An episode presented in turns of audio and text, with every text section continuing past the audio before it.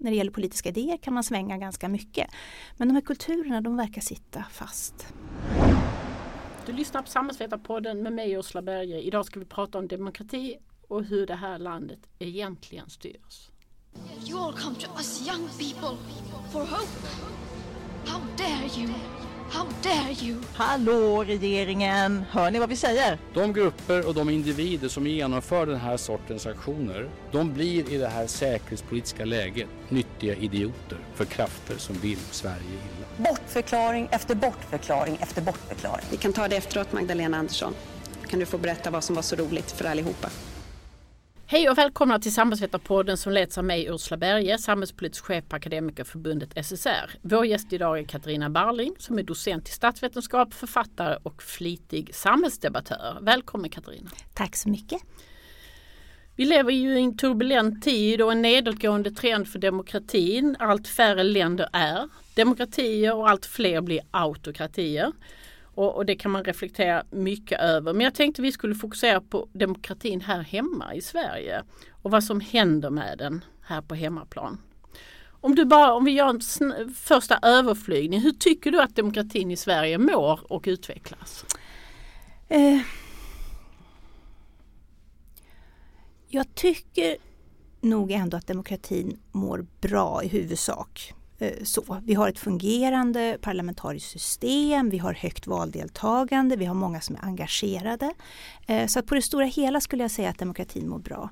Samtidigt så finns det en, det har kommit in en typ av aggressivitet i det demokratiska samtalet och det kommer från många olika håll som, som jag uppfattar i alla fall inte riktigt fanns förut i den omfattningen. Samtidigt så har det alltid funnits aggressivitet i politiken så att man ska heller inte idealisera eh, det förgångna. Kommer det inifrån eller kommer det utifrån? Är det en global trend eller är det en svensk trend? Jag skulle säga att det finns i många olika länder. Man kan se en ökad spänning mellan stora delar av folket och eh, den etablerade makten som består av olika delar. Men det är väldigt mycket fokus har ju hamnat på kanske den politiska makten och den massmediala makten. Um, och de resonemang som förs idag i många länder om en ökande populism den hänger ju väldigt nära samman med det här. Alltså att det, det finns en idé om då att eliten som ofta kallas då en enda sammanhållen eliten har svikit folket och folket är ungefär som att det också är en sammanhållen massa då. Uh, det man ofta menar tror jag med folket det är väl snarare då folkmajoriteten eller vanligt folk eller sådär. Um, och där kan man fundera över båda sidor eh, bär ett ansvar i det här för att alltså, förhålla sig till varandra på ett respektfullt sätt. Och det sker inte riktigt idag och det tenderar, mitt intryck är att det blir taggigare och taggigare. Mm. Jag tänkte vi skulle mm, rota lite i orsakerna till det men jag tänkte vi skulle börja i, faktiskt i din avhandling. Eh, som, som Vad glad jag blir! som jag fick anledning att bläddra lite i då förra veckan och den är från 2004 och i den sista meningen skriver du att det är viktigt att förstå och orientera sig i det politiska partilandskapet. Och din avhandling handlar ju om hur riksdagspartierna fungerar internt och så vidare. Uh, hur tycker du att partiernas inre kultur har förändrats över tid sedan dess? Ja, det är ju någonting som är väldigt intressant. Jag, min avhandling kom 2004 som du sa och sen så gjorde jag en uppföljande studie mellan 2010, 11 och 2016. Och då hade det ju hänt väldigt mycket i politiken. Vi hade haft alliansen, två eh, alliansregeringar, eh, de nya moderaterna, Sverigedemokraternas inträde på allvar i politiken. Så att min förväntan var nog Centerpartiet med Stureplanscentern och en riktning i, mot, i liberal riktning, sa man i alla fall. Så det var det som var idén.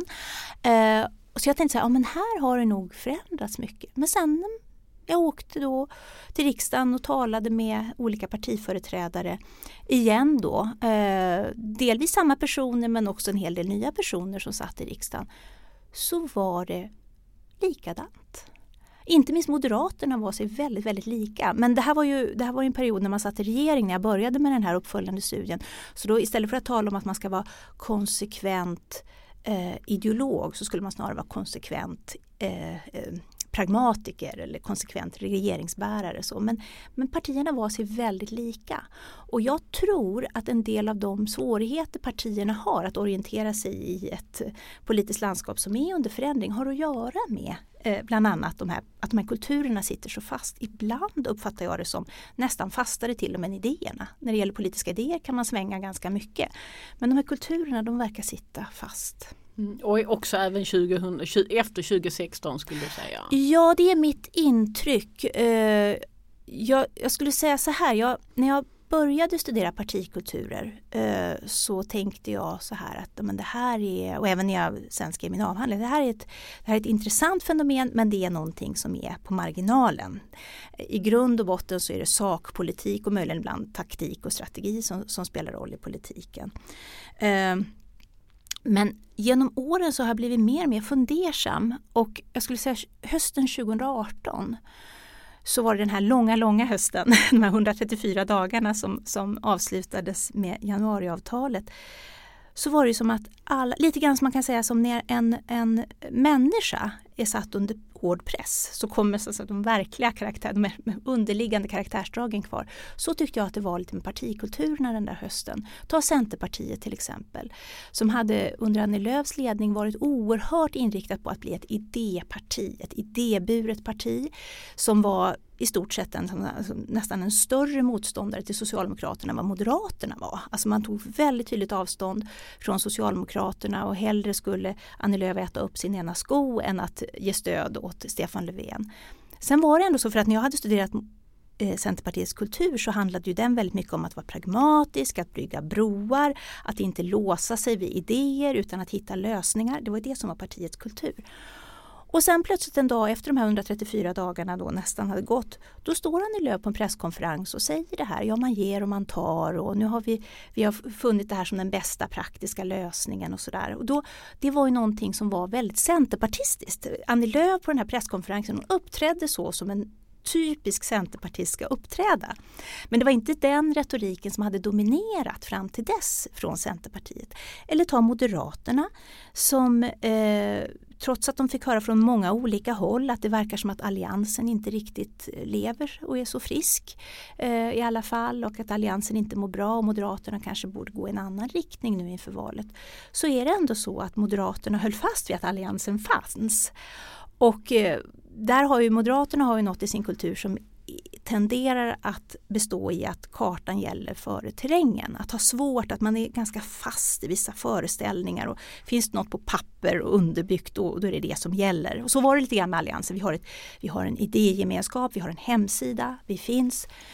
Alla säger att nej, men alliansen verkar inte finnas och det ska till då eh, januariavtalet för att Moderaterna verkligen skulle förstå det. Man kunde ju se hur arg Ulf Kristersson var på sin presskonferens. Eller ta Vänsterpartiet som eh, sitter någorlunda still och tyst i båten ända tills allt är klart och då öppnar de en presskonferens där Jonas Sjöstedt säger att vi tänker minsann inte gå med på det här och ni kan inte behandla oss som en dörrmatta. Så. Och det är också typiskt, alltså det här eh, Vänsterpartiet har den här å ena sidan att man vill vara i opposition mot de som styr, även Socialdemokraterna. Samtidigt som man också har, har haft, eh, det har ju ändrats en del, men man har haft genom åren ganska svårt att leda det där i verkligt bevis genom att skrida till handling. Det skedde ju sen då eh, när Nooshi Dadgostar eh, ställde sig bakom ett misstroende misstroendeomröstningen då mot Stefan Löfven. Men annars så, och det har ju hänt tidigare enstaka tillfällen att Vänsterpartiet har, har så att säga svikit eh, ar arbetarväljarna. Då. Det är ju så de säger, att de skulle aldrig rösta ner en arbetarregering. Och det har dominerat. Men här, och det var samma här, att de ändå vek sig väldigt länge för det här januariavtalet trots att det gick väldigt långt i marknadsliberal eh, riktning. Jag tänker att det är lite intressant att diskutera det här med partikulturer och det du beskriver som en, en, att ett kontinuum, att det är väldigt mycket någonting som fortfarande finns kvar. I det sammanhanget vi upplever att eh, det är väldigt mycket som händer i det politiska landskapet överhuvudtaget. Så jag tycker det är väldigt intressant att, att, reflektera över det. Men du skrev nyligen en bok tillsammans med en annan statsvetare från Uppsala som heter Cecilia Garme och den heter Saknad på spaning efter landet inom, inom oss. Och där pratar ni om att det finns en kognitiv dissonans i det svenska samhället. Vad är det för någonting? Ja, gru grunden är då en kognitiv dissonans när man har två idéer som man inte riktigt får ihop i huvudet och det kan vara mer eller mindre plågsamt. Ofta är det plågsamt och man tenderar att trycka undan då på något vis det där. Och i det här fallet så handlar, menar vi, då den här kognitiva dissonansen om att det har funnits i Sverige länge en föreställning om att vi är ett öppet land, eh, vi är ett generöst och, och eh, tolerant land som inte har svårt för förändring, som gärna ser en stor invandring. Så. Det där har funnits, det är klart att alla människor har inte tyckt så men det har funnits en dominerande, ett dominerande synsätt om att så är Sverige. Vi är ett generöst öppet land.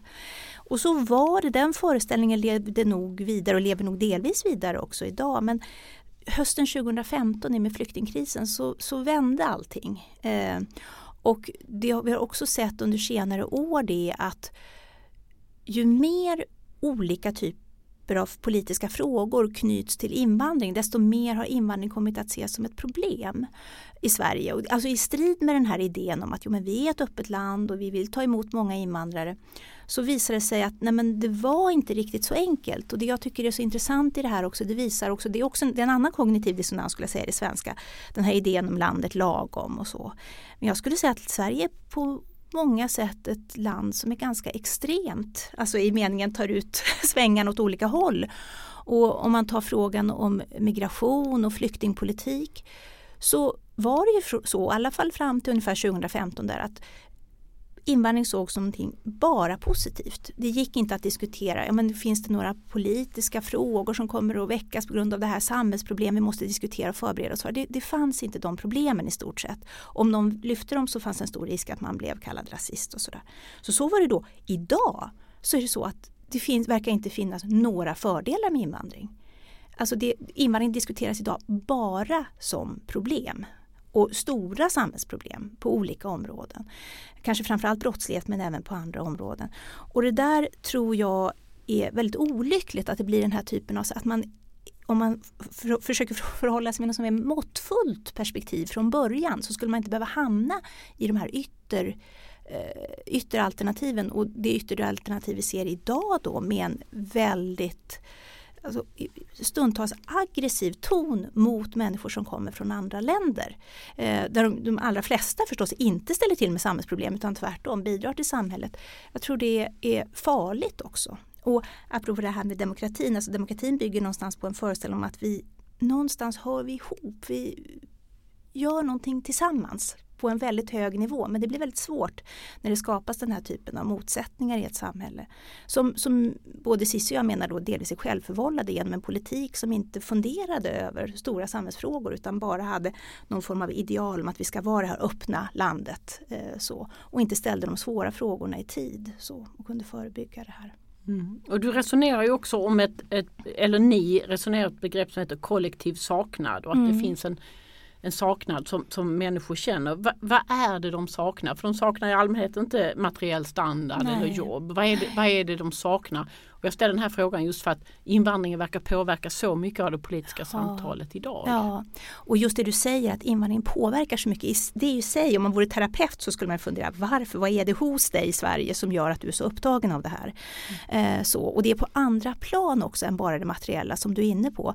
Även människor som känner att de har jag menar, klarar sig bra ekonomiskt och, och, och, har det hyfsat i sina liv är också frustrerad över det här. Och eh, det, här är ju, det här är ju inte någonting som man kan förstås bevisa. Men min tolkning, ett försök att, eh, synd att inte Cecilia här och kan tala för sig också, men så som jag tolkar det och så som eh, jag tror att det är, är det så att Sverige eh, är, har verkligen överskattat sin kärlek till det som är annorlunda.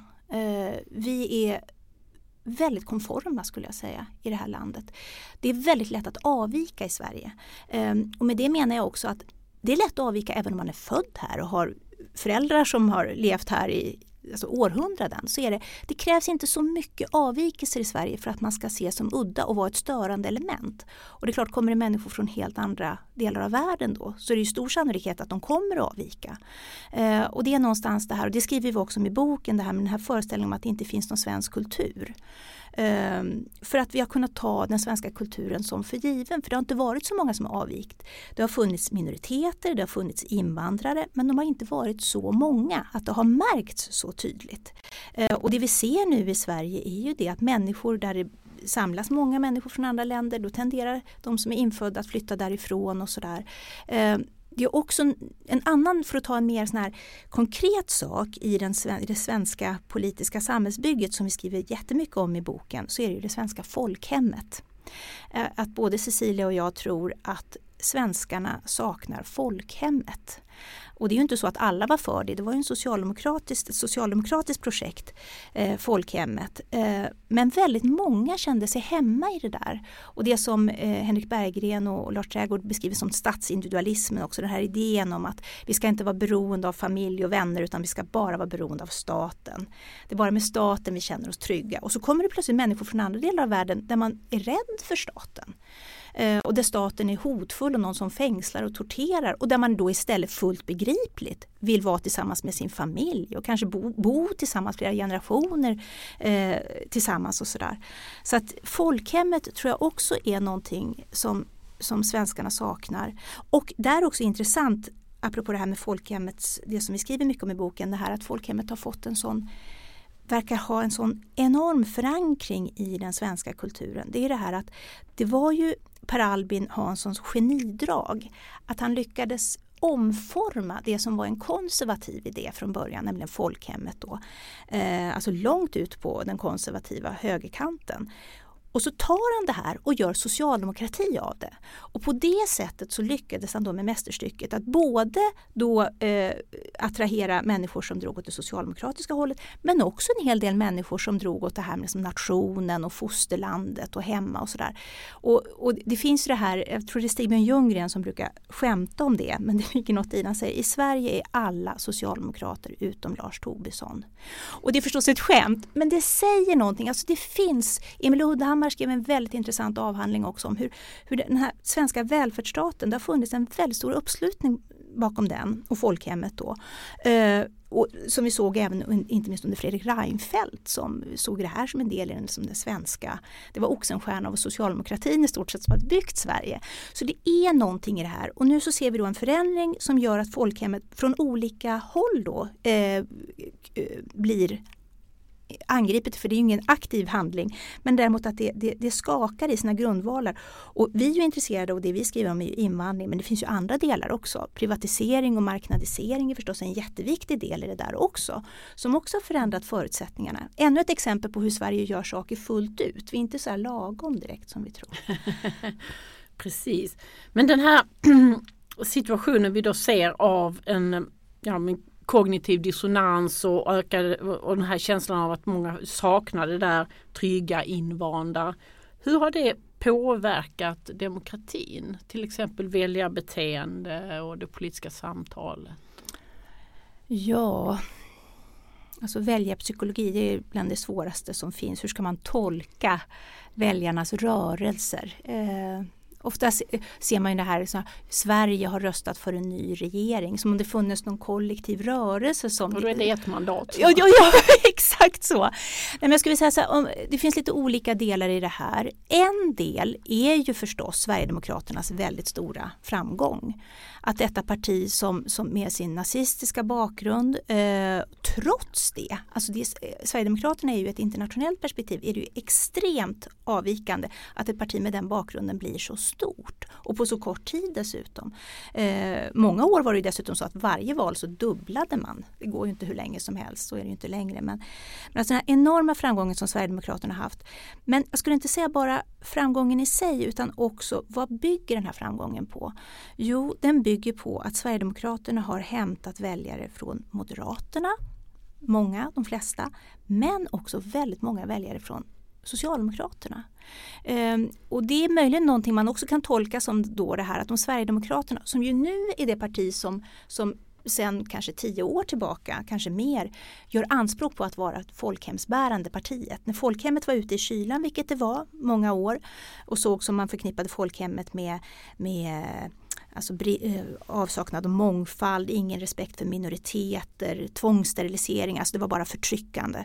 Då, när ingen ville vetas, ja, veta av folkhemmet, då tog Sverigedemokraterna folkhemmet och så sa de så här, vi är det nya folkhemspartiet.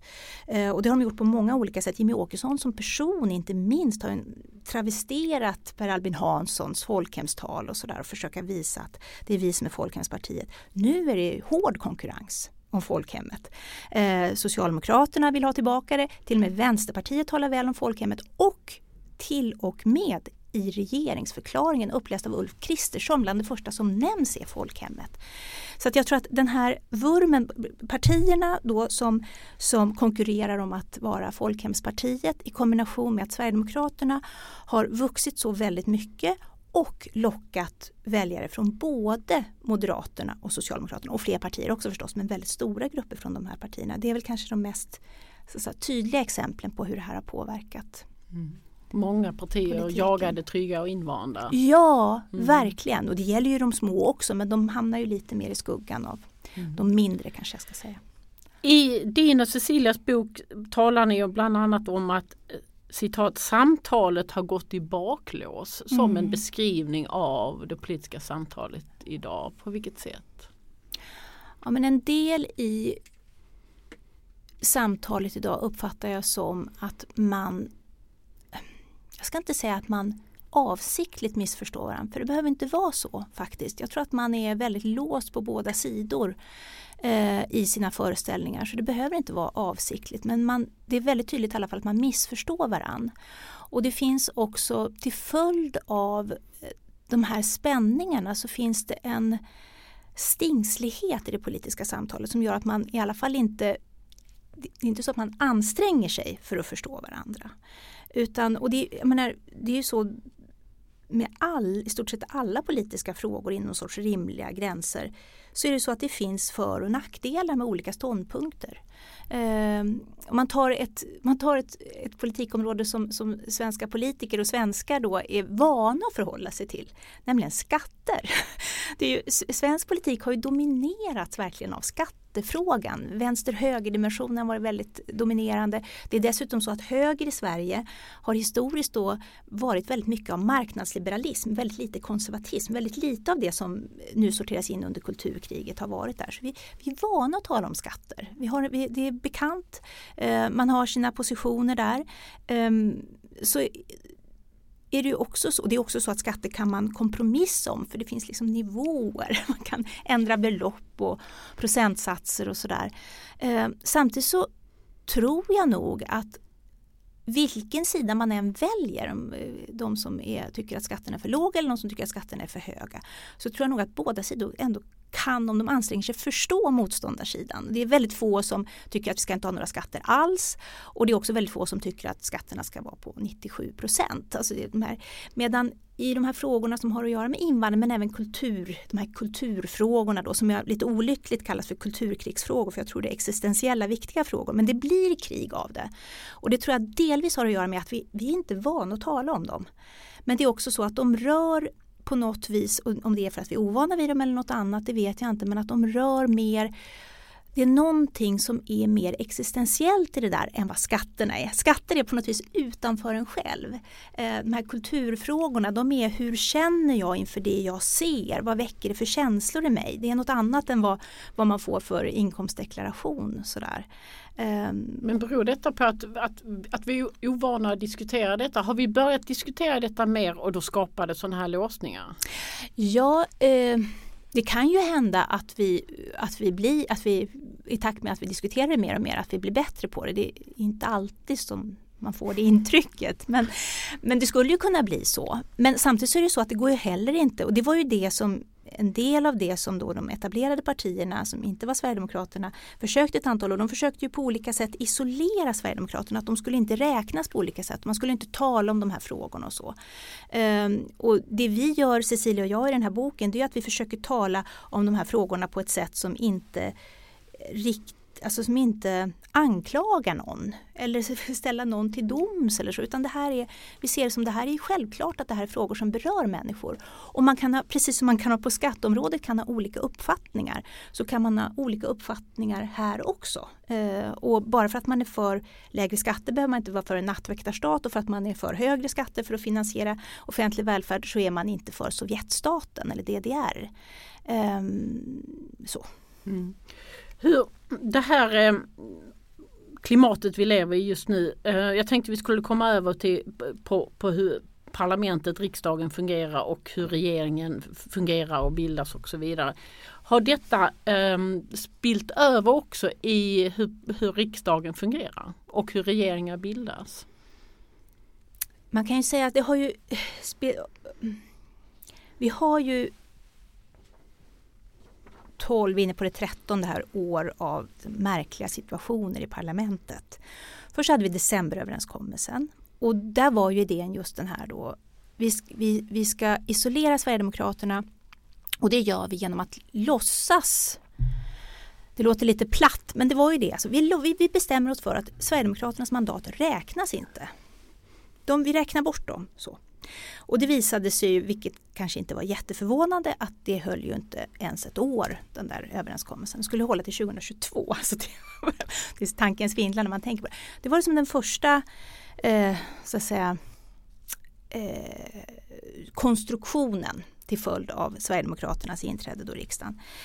Eh, sen hankar man sig fram och sen så kom vi vidare då till nästa steg som var då eh, lite, då, då, var det ju inte så längre att man sa att Sverigedemokraterna räk, räknas inte, men man sa att men vi ska inte samarbeta med dem. Så vi, vi ingår det här januariavtalet som innebar då lite tillspetsat att eh, Centerpartiet och Liberalerna fick väldigt mycket sakpolitik, sänkta skatter, reformer på arbetsmarknadsområdet. Så, såna hjärtefrågor för Socialdemokraterna. Social, Socialdemokraterna gav upp mot att de fick sitta kvar, vi fick behålla regeringsmakten då.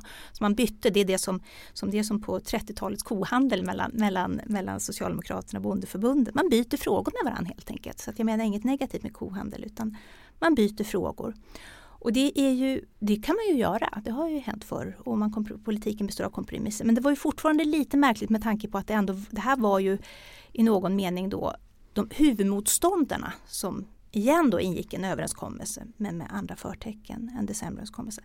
Nu har vi tidavtalet eh, som är väl, apropå det här hur det har svängt, alltså från att det finns inga problem med invandring på, det är inte så många år sedan ändå, som det var det allmänna. Så är det nu vid budskapet, det är bara problem och nu så ska vi, det handlar i stort sett, alltså det, det, finns andra områden också men det är en väldigt, väldigt stor del av tidavtalet som handlar om eh, migration och brottslighet. Det är väldigt starkt fokus där.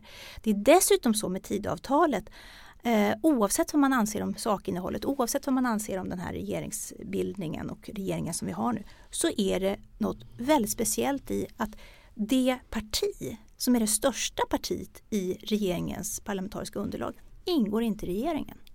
Det är faktiskt också märkligt.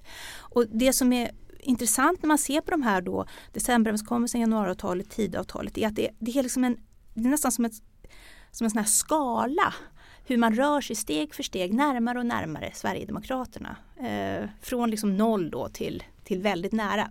Men de ska inte få sitta i regering.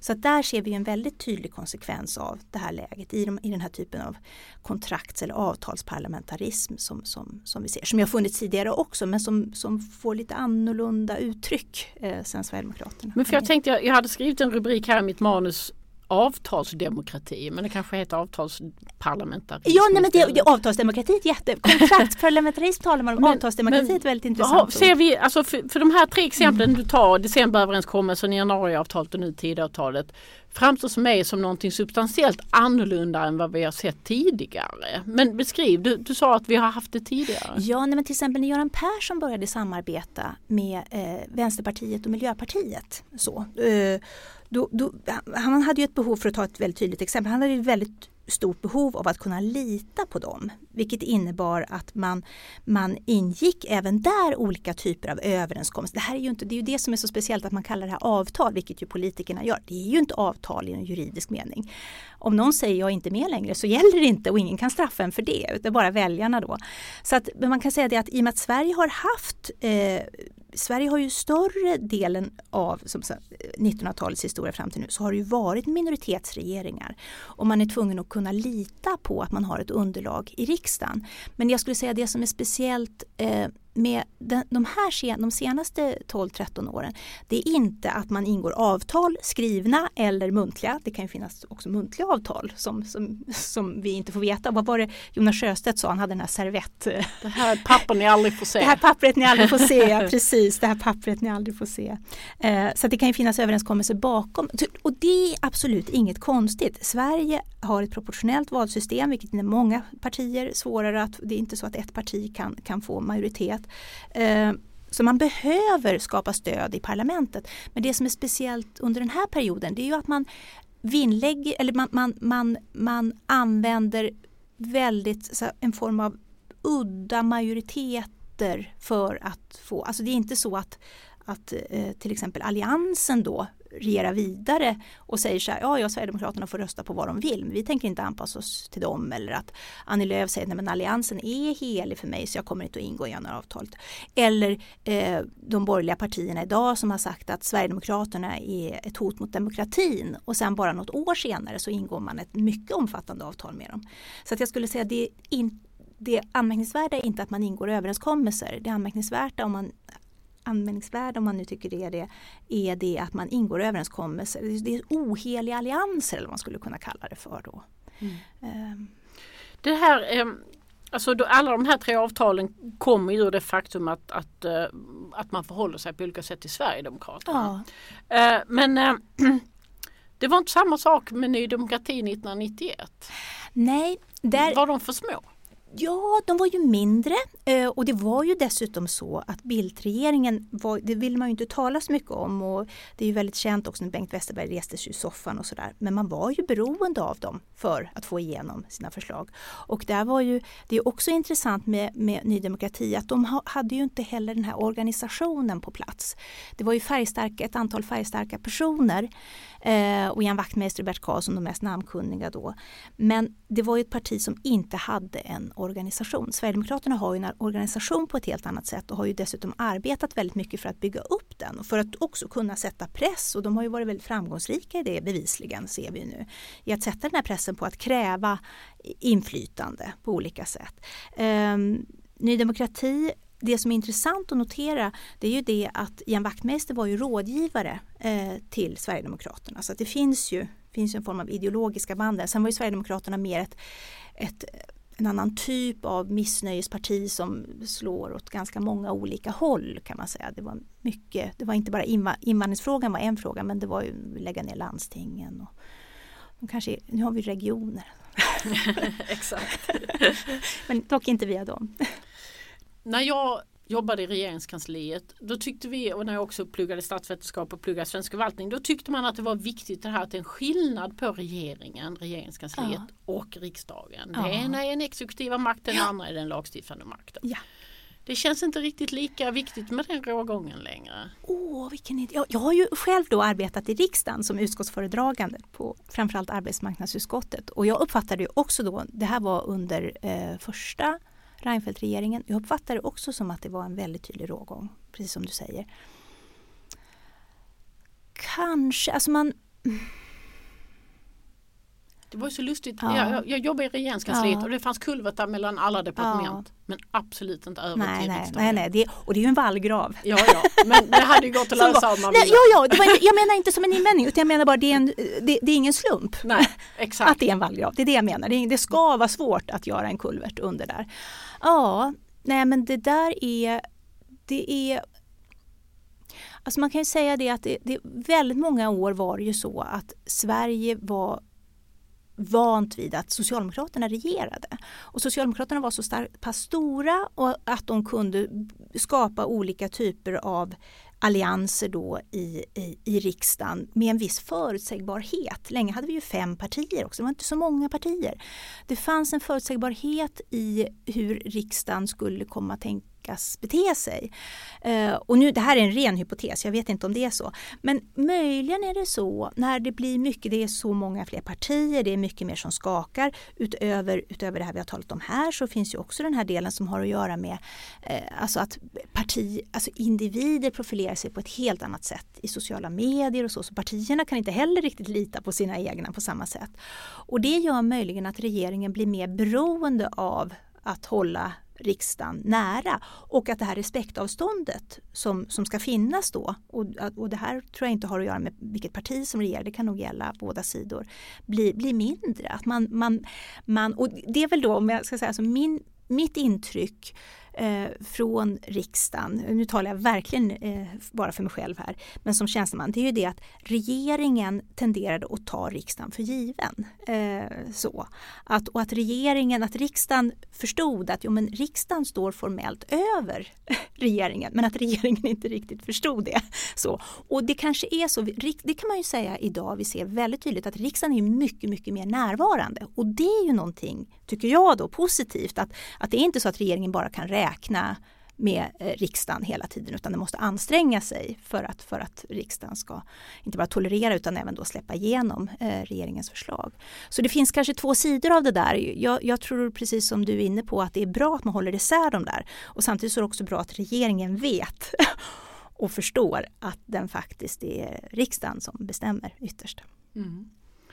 Och eh och det, någon av Persson-regeringarna där satt det ju centerpartister i eh, kansli. något av ja, departementen tror jag. Och sen under, under januariavtalet satt det ju liberaler mm. på statsrådsberedningen fast inte Centerpartiet. Mm. För att de behövde det inte för de har pengar från annat ja, håll. och de ville markera vid opposition. Och, ja. och nu om man läser Tidöavtalet det är ju, alltså, halva avtalet handlar ju bara om att försöka reglera att, att även Sverigedemokraterna har inflytande över ja, regeringspolitiken. Ja. Vad tänker du runt den här glidningen? Ja, alltså där när man inte har varit jag vet ju, har ju ingen inblick, men om man ska spekulera då utifrån vad det kan ha att göra med så är det ju så att det här vi talade om att det är eh, speciellt det här att det partiet som är störst i det parlamentariska underlag regeringen har inte sitter i regeringen så kan jag tänka mig att Sverigedemokraterna har ställt väldigt många krav för att godta en sån lösning. Eh, för jag tror att, att, det är inte självklart vad de skulle, om de hade velat sitta i regering, men det är klart att det finns enorma fördelar med att sitta i regering. Och framförallt så vill ju Sverigedemokraterna också, de är ju ängsliga för vad ska regeringen ta sig till och sådär, som vill ha någon form av kontrollmekanismer införda. Så det, jag tolkar det som det i kombination med att då regeringen och sin sida är beredd att ge Sverigedemokraterna det här. För det är ju två som dansar tango i det här tillsammans. Så att, och det kan man ju fundera över, har de gett för mycket eller har de, ja så utifrån det här att det ändå är två olika institutioner det här. Och så läser man lite mer detalj i tidavtalet så står det ju som här att alla frågor ska vara gemensamma mm. samarbetsprojekt och de ska alla partier, även det som inte sitter i riksdag i regeringen ska ha, ha inflytande över utredningsdirektiv, utredare, mm. uppdrag, regleringsbrev. Alltså det, det är ju mm. allting. Mm. Mm. Får jag intryck av. Vad är den stora skillnaden mellan att sitta i regeringen och inte med ett sådant avtal? Du menar just nu? Ja. Just nu. alltså det är så här, det, och det vet ju du som har arbetat i regeringskansliet. Det är ju det händer ju så oerhört mycket hela tiden i samhället och inte minst i politiken. Det händer så mycket eh, där man måste fatta beslut på uppstuds nästan och direkt och snabbt. Så det, det, finns ju, det är också så att sitta i regering innebär att man har ingångar på väldigt många områden. Det är många, väldigt många dörrar som öppnas. Eh, det här är en form av informell makt kan man säga då, eh, det här senare då. Men också det här att det är väldigt många beslut som fattas hela tiden eh, i ett regeringskansli. Och det gör att det kan verka som att de har täckt in väldigt mycket, vilket de har. och De försöker ju göra det. Samtidigt så finns det ju jättemycket som regeringen kan göra vara hela tiden utan att Sverigedemokraterna har något inflytande över det. Um, och det är också så att det är ju ett antal, det står ju också i Tidöavtalet att det är då de här politikområdena, projektområdena, det är ju de som ska omfattas. Det finns en hel del annan politik också som inte omfattas av Tidöavtalet. Och regeringen har ju också en enorm makt. Alltså EU-inträdet har ju inneburit att regeringsmakten har, har stärkts väldigt då. EU-nämnden finns ju där som en instans men det är ju regeringen som, som äger eh, EU-politiken på det här sättet, liksom utrikespolitiken. Eh, så att det finns, jag skulle säga att det finns eh, det finns väldigt mycket makt kvar eh, i regeringskansliet som Sverigedemokraterna inte kommer åt. Så. Och möjligen kan man se det som att, att det är en sån lång och detaljerad lista. Den visar, någonstans så visar den också hur mycket man inte kommer åt. För den talar för att det är väldigt mycket i ett regeringskansli. Mm. Precis som du säger, Tidöavtalet berör ju ett antal områden. Ja, ja. Skolan, kriminaliteten ja. och eh, ett antal andra ja. men, men, inte allt. Nej. Um, men alltså vi som är statsvetare, vilket jag ju då också är, vi älskar ju regeringsformen, konstruktion och så vidare. Du ser ingen fara med det här, liksom de här att regeringen och riksdagen är så sammanflätade, i alla fall ett av riksdagspartierna? Ja, nej men jag tycker nog att riksdagen och regeringen ska vara åtskilda. så, alltså ja, det, verkligen. Utan, så min poäng är snarare den att det är bra att regeringen förstår att den yttersta makten den ligger i riksdagen och inte regeringen, att regeringen måste anstränga sig mer. Däremot den här typen av hur det liksom går in i varann på det här viset med tjänstemän och så. Eh, det, det, är ju, det, det, där är intressant, man funderar över vad som, vad som har förändrats i den svenska demokratin så kan man säga då att den svenska parlamentariska demokratin den bygger på en idé om folksuveränitet. Eh, idag Eh, så ser vi mer och mer hur det talas om maktdelning. Sverige har ju inte maktdelning, det är inte det som, vi har, som har varit det som som har genomsyrat Sverige. Utan det är som att folk, majoritetsviljan ska få genomslag så, så lätt som möjligt, så snabbt som möjligt. Det har varit förhållandevis lätt att bilda regeringar, det här med att det inte krävs en majoritet för till exempel, ett exempel på det och så. Eh, så att jag kan absolut, precis som en person som förordar maktdelning eh, ser väldiga faror med det här som vi ser idag. Att det här rör, det blir väldigt då sammanvuxet. Så från maktdelningsperspektiv så är det ju katastrofalt. Och samtidigt ska vi komma ihåg att i Sverige har vi ju inte haft maktdelning, utan det är folksuveränitet. All offentlig makt utgår från folket. Mm. Inte Montesquieu? Nej, nej, nej, det är inte Montesquieu. Han finns inte där. nej, nej, men precis. Men det är intressant det där. Eh, det är en väldigt intressant fråga. Mm. Det finns också i Tidöavtalet en formulering om att man ska ha ett inre kabinett eh, som, som eh, svårt att förstå hur det rent praktiskt arbetar men det ska bestå av partiledaren från de fyra samarbetspartierna. Mm. Hur ska man förstå den konstruktionen? Jag som aldrig suttit på de mötena. Nej det har ju inte jag heller. Så jag vågar inte ha några uppfattningar där. Men det är väl, man skulle kunna tolka det som ännu ett uttryck för det här du beskriver eh, då med en sammanglidning. Så. Mm. Och det finns också en formulering och om du jämför det med decemberöverenskommelsen och så vidare så står det i, i tidavtalet att samarbetspartierna förbinder sig att rösta på regeringens budget så att budgeten i sin helhet röstas igenom i riksdagen. Ja, det där är också speciellt med tanke på att alla områden, budget omfattar ju många områden, även de politikområden som inte ingår i eh, tidavtalet. Och samtidigt så är det där en skrivning som då drar åt andra hållet istället. Så att ja, det Det är därför jag ställer frågan. Ja, ja, ja. ja jag noterar samma sak. Ja, ja. Nej, för det blir ju lite intressant då att då, då, då har man ju förbundit sig mm. att, att samarbeta om mer än det som står i ja. tidavtalet. Det jag skulle vilja säga så här, apropå det här med avtal, att när det gäller riktiga avtal så är det ingen tillfällighet att man brukar rekommendera att man anlitar en erfaren jurist för att formulera dem just för att undvika eh, att i vad mån, det vet inte jag, i vad mån vilken sida här har övertag och vem som har gjort vad och sådär. Det har jag ingen aning om. Men det är svårt att skriva avtal. Eh, om vi nu kallar det här ett avtal då. Det är svårt att skriva överenskommelser, det är svårt att tänka på allting och det är verkligen inget konstigt om det uppstår paragrafer i ett avtal som går emot varann. Eh, och det är klart att man så som det här tidavtalet eh, tillkom då under stor press, tidspress och kanske inte alltid, jag vet inte, jag var inte där, men det kanske inte alltid var jättegod stämning av det jag förstått utifrån då. Så det är klart att man, det handlar om att få in så mycket som möjligt från båda sidor i vad mån man har tänkt igenom allting och hur de här olika delarna hänger ihop. Eh, och i vad mån vissa då eh, neutraliserar andra delar, det vet jag inte. Och, och, ibland är det också så, det där är ju intressant, det vet man ju från, från förvaltningen, att ibland när det kommer eh, när, när, regeringen formulerar uppdrag till exempel eh, till myndigheterna eh, eller i regleringsbrev och så vidare, då, då är det så att då tycker man så här, oh, vad de är oklara och luddiga, varför är de så oklara? Så här, det är som att politiken har missat. Nej, det kan väl själva verket vara så att det är luddigt för man har inte lyckats komma överens. Eh, det finns någon form av koalition, samarbete eller det kan vara eh, strider inom ett parti också, det vet vi mycket väl att det kan de största striderna äga rum. Eh, så det kan vara så att man, man avsiktligt är motsägelsefull för att då är någon är nöjd med den ena paragrafen, någon är nöjd med den andra. Eh, I vissa fall kan det också vara så att man ser inte själv någon lösning så man överlåter åt förvaltningen att lösa det genom att formulera sig luddigt. Mm.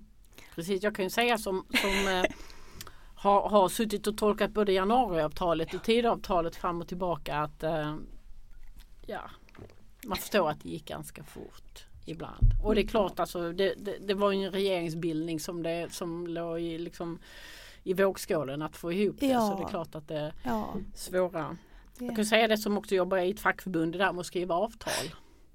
Det gör vi varje dag. Ja, ja men det är verkligen. Det, Ver ni vet allt om hur svårt det är. Nej men verkligen. Ja, kollektivavtal kan ju påverka flera miljoner människor. Liksom. Ja, ja. Det måste bli rätt. Fruktansvärt svåra frågor. Det är inte så lätt. Nej det är inte så lätt. Men um, vad tänker du nu här? Vi befinner oss i det här politiska landskapet vi har och, och ni talar om en eh, dissonansen som vi har i det svenska mm. samhället. Vad borde hända nu? oh, jag är så, det, det, är en jättebra fråga och jag är ju så svår jag har ju så svårt att komma med så konkreta lösningar. Jag är ju mer inne på att formulera problem. Men, man, men ändå, jag verkligen, för din skull och er skull så har jag ansträngt mig. Och då skulle jag vilja ta in en dimension som vi inte har tagit upp här och det är den så kallade digitaliseringen. Jag uppfattar det som att vi nu befinner oss i en tid där vi från alla håll, alltså det gäller myndigheter, kanske er också, eh, näringsliv, samhället i stort, vi som privatpersoner. Vi överlåter våra liv åt ettor och nollor som gör att vi kommer längre från varann. Eh, ta, men ta det här, här, häromdagen fick jag till exempel från, från min eh, husläkare så att ja, men nu så kan du kontakta oss via 1177 eh, och chatta med oss. Och det, alltså det här, jag tror att de här problemen som vi försöker beskriva i boken Cecilia och jag och mycket av det här vi har talat om med människor som inte kan tala med varandra, människor som kommer från andra delar av världen och ska försöka komma in i det här samhället som är så speciellt och tror jag då så svårt att komma in i, för det är så speciellt. Hur sjutton ska man göra det när allting, eller mer och mer, går digitalt? Och, och det här är verkligen det som, eh, nu låter jag som någon sån här eh, eh, partimänniska, det är jag verkligen inte, utan det här, men det här är verkligen en käpphäst jag har. Jag tror att vi måste, eller vi skulle behöva oftare ställa frågan vad bör vi inte digitalisera? Istället för att hela tiden ställa frågan vad ska vi digitalisera? Vad kan vi digitalisera? Det är än en gång uppfattar jag det som att Sverige är på väg rakt in i en sån här hörn igen. Eh, och det här kommer att få oöverskådliga eh, konsekvenser förstås. Och diskussionen om AI hör ju dit också. Det finns liksom ingen riktig... Jag säger inte att man ska gå omkring och, och måla fan på väggen och vara dyster och sådär. Men kanske fundera lite mer ja, men vad finns det för risker med det här? Det finns ju enorma risker förstås. Och det finns även risker på det här planet att vi inte kan hålla ihop som samhälle. För människor blir inte människor längre utan de blir bara någon form av elektroniska eh, älvor som far omkring. En avatar. En avatar, ja en tack, avatar. så heter det. ja, och man kan ju, det finns ju olika exempel på hur, hur ska säga, tudelningen ser ut i samhället. Jag jobbar mycket med arbetsmarknadsfrågor och mm. tudelningen mm. på arbetsmarknaden bland de som, som uh, har jobb och de som inte har ja. jobb är ju jättetydlig. Men ja ja, Gini-koefficienten har ökat sedan 1980, de socioekonomiska skillnaderna mellan, mellan människor. Dra, dra, och det är ju långt före den stora invandringen. Ja, drar ja. samhället isär i alla möjliga avseenden. Det inte bara den digitala kompetensen. Ja, jag uppfattar som att den gör det. Och, och att jag vill lyfta det här digitala det är för att de andra frågorna, invandringen, det finns väldigt många som diskuterar det, marknadifiering finns många som di- diskuterar det och klyftor och så. Men det här med digitalisering, där uppfattar jag att det finns inte riktigt någon tydlig motkraft. De, de, de allra flesta dominerande, alla partier till exempel verkar vara väldigt, tycker det här är strålande. Men vi är ju bäst i världen på digitalisering. Vi är ju det, vi är ju det. Så då, ja. Allt från till Ja. Spotify. Ja, ja, ja, ja, ja, ja. Jag var, jag var intervjuad, det var apropå Sveriges eh, coronastrategi, det här var ett tag sedan, men det var eh, franskt tv-program och då den första frågan jag fick, eller det var ju det var sån här artig fran, fransk artighet då, men det var ju så här, åh, ni i Sverige, ni är ju världsbäst på digitalisering. Så. Mm. Så det är klart vi håller fast vid den, över partigränserna. Precis. Och ni har ju en intressant, alltså jag tycker det är spännande det du säger här om att landet lagom är inte ett dugg lagom. Nej. Och då, då hänvisar ni i er bok till eh, World Value Survey som, som beskriver det. Sverige i, i extremt övre högra hörn Ja. och vi är inte som någon annan. Nej, nej, vi är inte ens de nordiska länderna. Eh, och jag, jag tror att den, den senaste mätningen kom ju nu. Eh, och jag undrar om det inte var så att vi har sjunkit lite på det sekulära. Alltså att vi är inte fullt lika sekulära, men det är ju små, små förändringar. Vi ligger ju fortfarande... Ja, jag tror fortfarande att det är så. Det kan vara så att man måste gå tillbaka till den förra. Så det finns inget land som ligger så mycket ute i ett hörn som jag minns det som Sverige. så. Eh, och där ska man ju komma ihåg då att många av de människor som kommer, från, eh, kommer till Sverige nu, de kommer ju från den andra, alltså det motsatta hörnet. Eh, apropå vi talar om partikulturer, eh, det är som om, om plötsligt skulle 20% av Moderaterna vara miljöpartister. Det skulle ställa till en del tror jag, eh, gnissel där också. Så. Så att det, och det är väl det vi försöker med den här boken. Vi försöker lite avdramatisera det här med kultur och säga att ja, men det där är, Sverige är ett extremt land eh, på väldigt många sätt.